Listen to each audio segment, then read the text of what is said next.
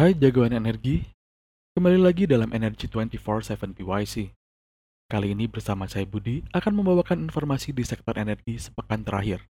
Let's check it out. Berita yang pertama dari harga komoditas energi. Rata-rata Indonesian Crude Price atau ICP masih mengikuti harga bulan Juni yaitu sebesar 60,23 US dollar per barel. Sementara untuk harga minyak mentah dunia per 15 Juli 2021, harga minyak West Texas Intermediate atau WTI di harga 73,13 US dollar per barel, dan harga minyak Brent berada di level 74,76 US dollar per barel.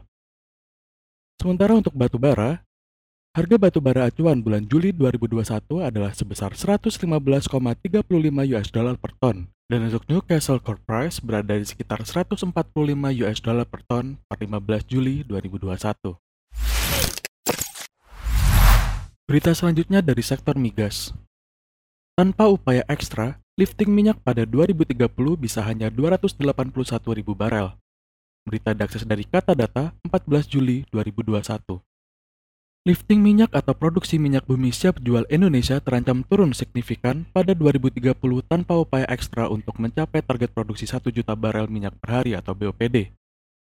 Deputi Keuangan dan Monetasi SKK Migas, Arif Setiawan Handoko, mengatakan produksi dari lapangan existing yang terus mengalami penurunan secara alamiah menjadi perhatian bersama. Untuk itu, target produksi 1 juta barel per hari sangat mendesak untuk dapat direalisasikan. Oleh sebab itu, guna merealisasikan target produksi minyak 1 juta barel per hari, SKK Migas telah menyiapkan beberapa strategi jangka pendek, menengah, dan panjang. Pada jangka pendek, strategi SKK Migas yaitu mengoptimalkan produksi dan lifting dari lapangan existing, di antaranya seperti pengelolaan reservoir yang baik dan pemeliharaan fasilitas atau maintenance-based production. Untuk jangka menengah, strateginya adalah Transformation Reserve to Production atau mempercepat program pengembangan atau Plan of Development atau POD terhadap cadangan-cadangan baru yang ditemukan dan penggunaan teknologi Enhanced Oil Recovery atau EOR. Untuk jangka panjang, strateginya adalah meningkatkan eksplorasi secara masif untuk menemukan sumber daya dan cadangan baru, Potensi untuk penambahan cadangan cukup besar karena dari 128 cekungan yang dimiliki Indonesia, baru 20 cekungan yang sudah berproduksi, dan ada 54 cekungan yang belum tereksplorasi sama sekali. Berita selanjutnya dari sektor listrik. PLN tak akan lagi terima rencana pembangunan PLTU baru mulai 2022. Berita diakses dari Kata Data 14 Juli 2021. Ambisi PLN memimpin transisi energi pada sektor ketenaga listrikan di Indonesia semakin besar. Hal tersebut terlihat dari komitmen perusahaan yang tak akan lagi menerima usulan penambahan pembangkit listrik tenaga uap atau PLTU baru mulai 2022. Mulai 2022 ke depan tidak akan ada kontrak baru PLTU. PLN hanya jalankan kontrak yang sudah tanda tangan PPA atau Power Purchasing Agreement atau perjanjian jual beli listrik dan sudah financial close atau kepastian pendanaan. PLN berencana pensiunkan 1 gigawatt PLTU yang akan dimulai pada 2026 hingga 2030 mengikuti selesainya kontrak PPA pembangkit tersebut. Kemudian PLN akan keluar dari keseluruhan bisnis pembangkit listrik berbasis batubara pada 2056.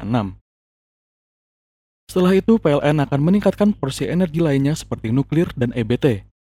Pengembangan energi baru terbarukan atau EBT secara besar-besaran akan dimulai pada 2028 dikarenakan kemajuan teknologi baterai yang semakin murah yang perkembangannya meningkat secara eksponensial mulai 2040. Selain itu, PLTN akan mulai berkembang pada 2040 dan diperlukan untuk menjaga kelancaran sistem seiring dengan perkembangan teknologi nuklir.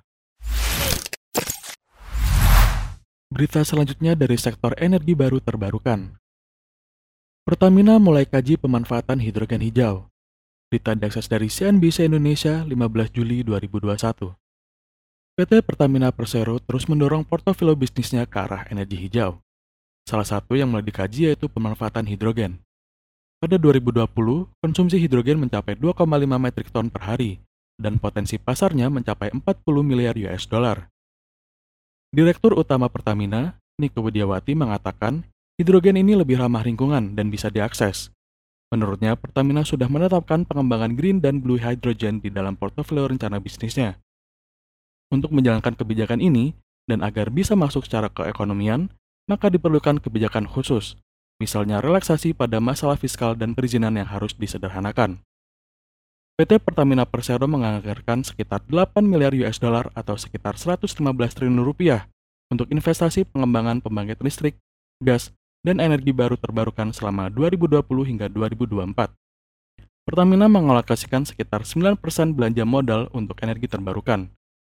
Jika dibandingkan pemain global lainnya, di mana alokasi untuk investasi energi terbarukan hanya 4%, maka menurutnya alokasi investasi Pertamina untuk energi hijau ini jauh lebih tinggi.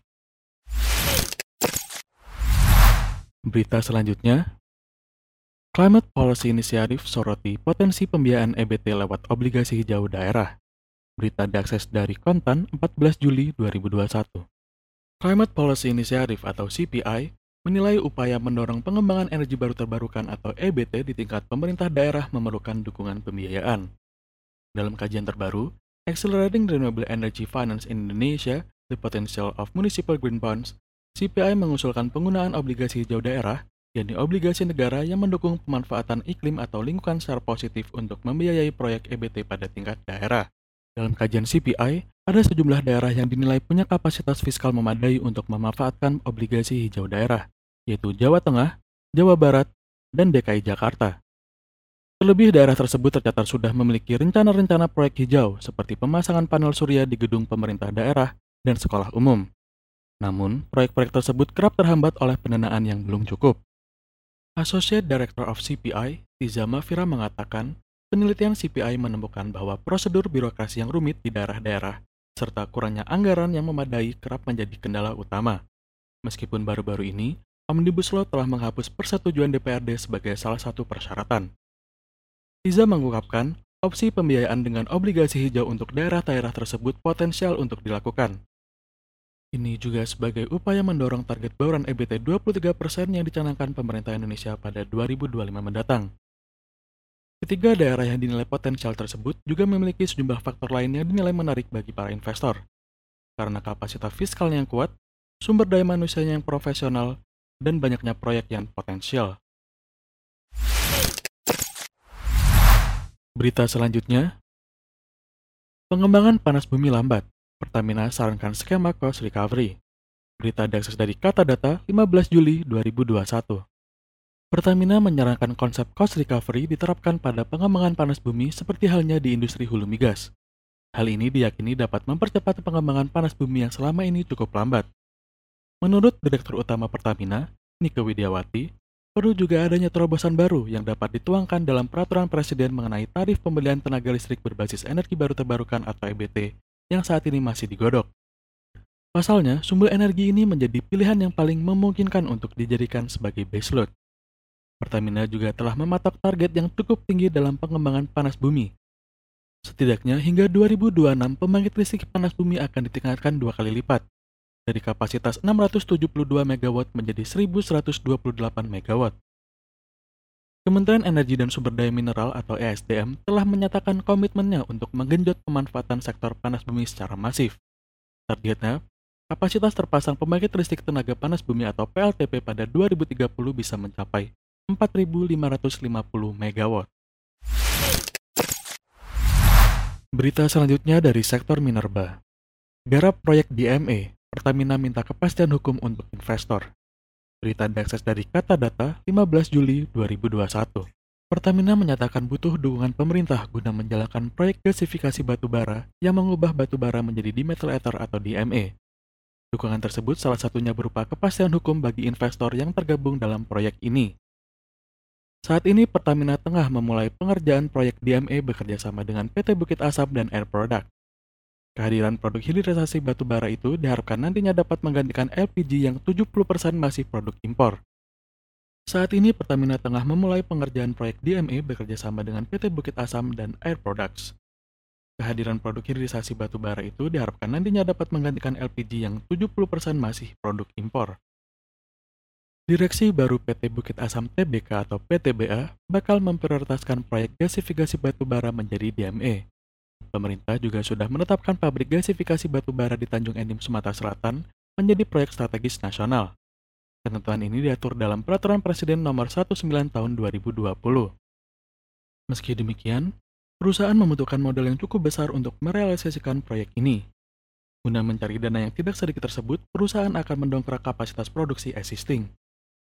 PTBA, Pertamina, dan Air Products optimis proyek pengembangan DME batubara bisa berjalan sesuai rencana untuk mulai beroperasi pada kuartal 2 2024. Proyek pengembangan DME atau gasifikasi batubara juga menjadi cara Pertamina meningkatkan portofolio energi hijaunya. Pertamina menargetkan portofolio tersebut bisa mencapai 17% pada 2030.